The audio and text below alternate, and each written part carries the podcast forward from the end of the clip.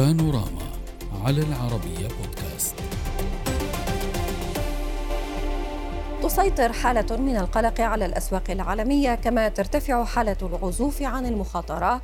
على الرغم من الإجراءات الصارمة التي اتخذتها السلطات الحكومية الأمريكية بالإضافة إلى تعهد الاحتياطي الفيدرالي والبنك المركزي الأوروبي وبنوك مركزية كبرى في العالم بتعزيز السيولة في السوق ودعم المصارف. جاءت هذه التطورات عقب انهيار البنوك الأمريكية الثلاث سيليكون فالي سيجنتشر وسيلفر جيت حيث يخشى المستثمرون من أزمة مالية عالمية جديدة مثل التي حدثت عام 2008 وهو ما يضع مدخرات المودعين والمستثمرين في خطر التلاشي. فيما قالت رويترز أن المستثمرين أو إن المستثمرين صعدوا بحذر إلى أسهم البنوك الثلاثاء بتشجيع من نجاح عملية إنقاذ بنك كريدي سويس وسط تساؤلات لمتداولين ومستثمرين عما إذا كانت الزيادات الحادة التي اتخذها بنك الاحتياطي الفيدرالي في أسعار الفائدة الفائدة قد تسببت في إحداث أكبر انهيار في القطاع المصرفي منذ الأزمة المالية العالمية.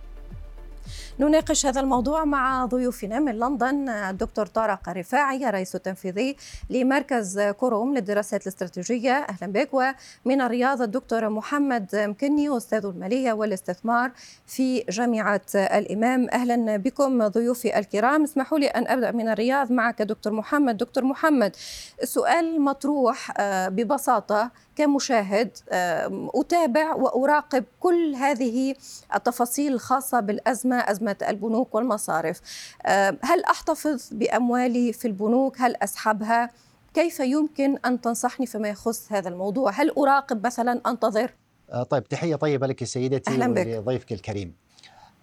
طبعا يعني حقيقة إحنا ما وصلنا لمرحلة إنه هناك أزمة مالية حتى إنه إحنا بنقول والله في مرحلة خطر. إحنا ليعتبر أنا أعتقد إنه إحنا في بداية لأحداث آه، يعني آه، خليني أقول في الداخل الأمريكي وأيضا في الداخل آه، السويسري، يعني لم تخرج خارج نطاق اقتصاداتهم ولم يكن لها تأثيرات كبيرة جدا على الاقتصاد العالمي.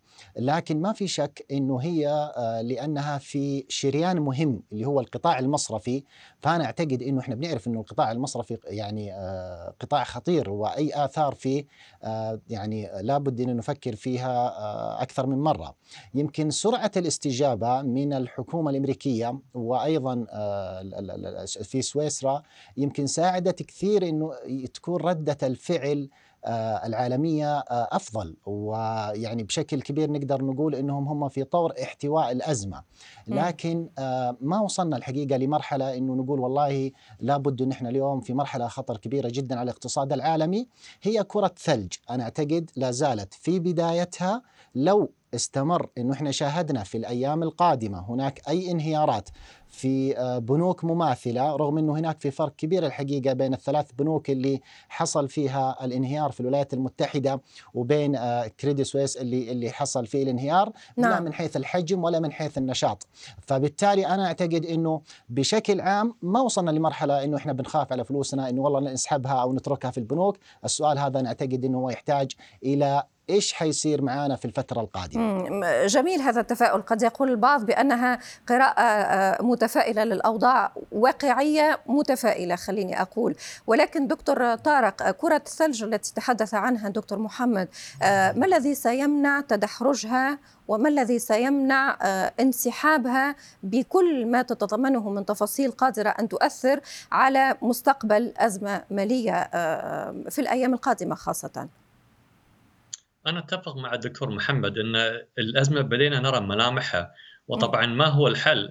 آه، بدأت هذه الأزمة مع رفع أسعار الفائده من قبل البنوك المركزية بعد انخفاض آه، قياسي لأسعار الفائده حول العالم للبنوك المركزية الرئيسية مع بداية رفع أسعار الفائده بدينا نرى الملامح للأضرار آه، القادمة من هذه أو من رفع أسعار الفائده خاصة بالوتيرة السريعة اللي شفناها في أمريكا يعني إذا آه، باخذ كمثال واحد يعني بنك سيليكون فالي.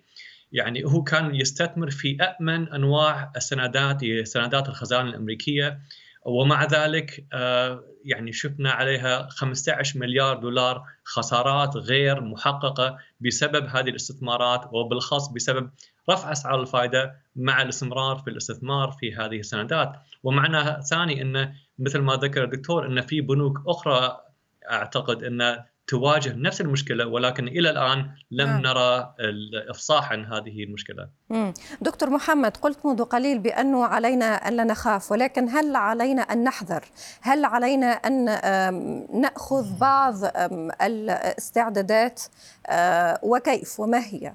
طبعا ما في شك مسألة التحوط مطلب أساسي دائما في حال حدوث أي مشاكل أو أزمات خليني أقول إنه هذه الأزمة هي امتداد لأزمات سابقة، يعني إحنا كنا قبل فترة ما هي بعيدة سنتين من الآن جائحة كورونا، بعد كذا عندنا التضخم آه، واليوم إحنا بنتكلم على أزمة بعض المصارف في آه، يعني أكبر اقتصاد في العالم الولايات المتحدة وأيضا في آه، يعني في أحد أكبر 30 مصرف في في العالم في سويسرا، وبالتالي أنا أعتقد إنه لابد من أخذ التحوط في مسألة الاستثمار في الوقت الحالي بشكل كامل. آه ليس فقط بسبب هذه الأزمة اللي نمر فيها اللي هي أزمة هذه المصارف لكن أنا بتكلم بشكل عام اليوم عندنا الحقيقة يعني آه في ارتفاع كبير جدا في الفائدة وبالتالي ما هو الأنسب بالنسبة لنا؟ هل والله هو الاستثمار في الأسواق أسواق المال؟ هل هو الاستثمار في آه الذهب؟ هل هو الاستثمار في جهات أخرى؟ فبالتالي اليوم حقيقة في عندنا تنوع تنوع كبير من الاستثمارات يخلق هذا التنوع أنا أعتقد في موجود في مجموعة من الفرص لكن نعم. يجب إنه إحنا نأخذ بعين الاعتبار تحوط مهم في فين فين الأزمة اللي تخلق الفرصة بالنسبة لي وبالتالي ممكن من خلالها إنه أنا أضع فلوسي دكتور طارق لما نتحدث عن أزمة تخص البنوك الأمريكية آه، ونربطها آه، بالدولار آه، المتحكم في النظام العالمي الاقتصادي والذي قادر أن يتحكم كذلك في بقية العملات الأخرى. هل هذا الربط صحيح أو أن آه، آه، سعر الصرف أو أن قيمة الدولار لا تتعلق ولا ترتبط بالأساس مع هذه الأزمة مع أزمة المصارف في الولايات المتحدة الأمريكية؟ الدولار طبعا كالعملة الأساسية حول العالم له علاقة عكسية مع الأزمات. يعني عندما نرى أزمات في الولايات المتحدة يعني التوقع يعني العام إن نرى ضعف الدولار ولكن هذا العكس لأن الدولار يعتبر ملاذ آمن فيعني وقت المخاطر أو ارتفاع المخاطر آه، نرى المستثمر يتجه إلى الأمان والأمان هو في الدولار نفسه أو كذلك آه، ملاذ آمن يعتبر الذهب. ولكن تعتبر بأن الدولار لازال ملاذ آمن ولا علاقة له لا يمكن أن يتأثر بأزمة كهذه داخل الولايات المتحدة الأمريكية صحيح؟ إلى الآن لن يتأثر لأن معظم الديون حول العالم مرتبطة بالدولار وطالما شفنا إن معظم الديون حول العالم مطروحة بالدولار لا لابد أن نرى إن العملة الأساسية ستكون الدولار لأن دائما آه، سداد الديون لابد أن تصير أو يعني تكون في الدولار هذا الربط مع الديون نعم. هو اللي معطي الدولار قوته مم. دكتور محمد البعض يقول بأنه تم النجاح في احتواء هذه الأزمة هل تعتقد بأنه تم احتوائها فعلا أو يجب أن ننتظر كيف سيكون المستقبل خاصة في الساعات القادمة أو الأيام القليلة القادمة أنا أعتقد أنه التدخل السريع من البنوك المركزية كان جدا ممتاز مقارنة يعني بما حدث في الأزمة المالية في عام 2008 لكن هذا لا يعني احتواء الأزمة بشكل كامل. إحنا بنقول نحتاج فعلا إنه إحنا بنراقب ولا زلنا في حالة عدم التأكد. القطاع المصرفي قطاع في غاية الأهمية وخليني أكون أكثر ربطا بما حدث في هذه المصارف.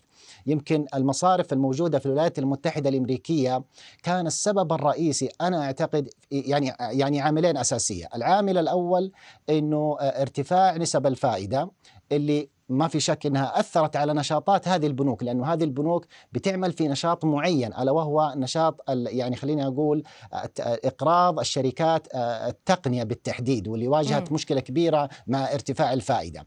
الجانب الآخر إنه أيضا استثمارات هذه البنوك يعني أنا أعتقد إنه هذا أيضا من الخطأ الإداري اللي كان أو خلينا نقول آه، إدارة المصرف بشكل كامل لأنه كانت الاستثمارات يعني بتمثل أغلب الاستثمارات حوالي 91 مليار في آه، اذونات الخزانة سندات اذونات الخزانة وقروض الرهن العقاري. وما في شك إنه هذه تأثرت بشكل كبير مع ارتفاع الفائدة فبالتالي انعكست سلبا على نتائج هذه البنوك واللي شاهدنا الانهيارات اللي حصلت. لكن ما حدث في الحقيقة كريدي سويس أمر مختلف تماما. اللي حصل إنه هناك خسائر قدرت بحوالي 7.9 مليار في العام 22 نعم. بالإضافة إلى فقد الثقة. وفقد الثقة طبعا نتيجة يعني بعض الأمور والفساد الإداري اللي آه، تحت يعني حصل في في, في البنك وهذا ما في شك أدى إلى إنه المودعين يسحبوا يعني ودائعهم وحصل آه، يعني آه، احتواء الأزمة من خلال استحواذ بنك يو بي إس عليها. نعم، دكتور طارق البعض يقارب بين ما يحدث اليوم وما حدث في 2008 ولفته آه، موضوع المدة الزمنية، بمعنى أن ما حدث في 2008 كان على مدة زمنية طويلة، في حين أن سرعة ما حدث اليوم من تأثيرات على البنوك، على المصارف وعلى الأسهم كذلك التي تم احتوائها بشكل بشكل ما. سرعة هذا الموضوع لفت البعض. ما تفسيره؟ أنا أرى أن بلا شك يعني الموضوع مشابه.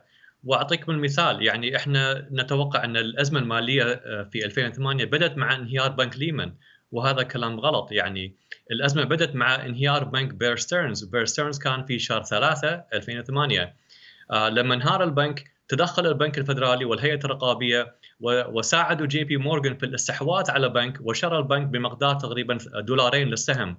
وقبل أشهر كان يتداول هذا السهم بما حول 140 دولار. فيعني هذه آه، صورة مشابهة لما حصل مع يو بي إس والكريدت سويس.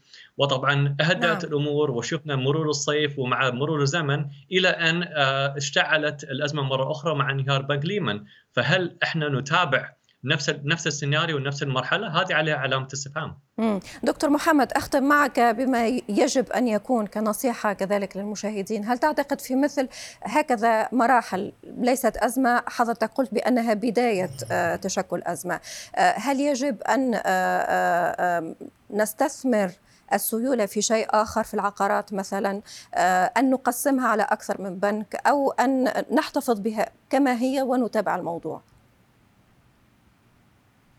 طيب إذا سمحتي لي أنا خليني يعني أركز أجل في عملية الاستثمار في آه، يعني في المنطقة عندنا خصوصا في دول مجلس التعاون الخليجي أو أو في المنطقة العربية، أنا أعتقد إنه المنطقة العربية ودول مجلس التعاون والمستثمرين هنا يعني ما في أثر اليوم كبير عليهم لأنه ما الانهيارات اللي حصلت اليوم في البنوك الموجودة في الولايات المتحدة أو حتى في كريدي سويس ما في عندنا نسبة كبيرة جدا من الاستثمارات العربية باستثناء استثمار البنك الأهلي اللي يعادل حوالي 9.8% في في كريدي فبالتالي إذا كان من نصيحة نستطيع تقديمها للمستثمر اللي هو راغب اليوم إنه هو يدخل نعم. الحقيقة بنقول له ال ال ال الهدوء وعدم الاستعجال الحقيقة في وضع استثمارات في الوقت الحالي لأنه اليوم اللي عنده كاش الحقيقة شكرا. أنا أعتقد إنه هو ينتظر فرص مستقبلية أفضل من إنه هو يجازف بالدخول نعم. في استثمارات أود شكركم جزيل الشكر على كل ما تفضلتم به من معلومات من لندن الدكتور طارق رفاع رئيس تنفيذي لمركز كوروم للدراسات الاستراتيجية ومن الرياض الدكتور محمد مكني أستاذ المالية والأستثمار في جامعة الإمام. شكرا لكما.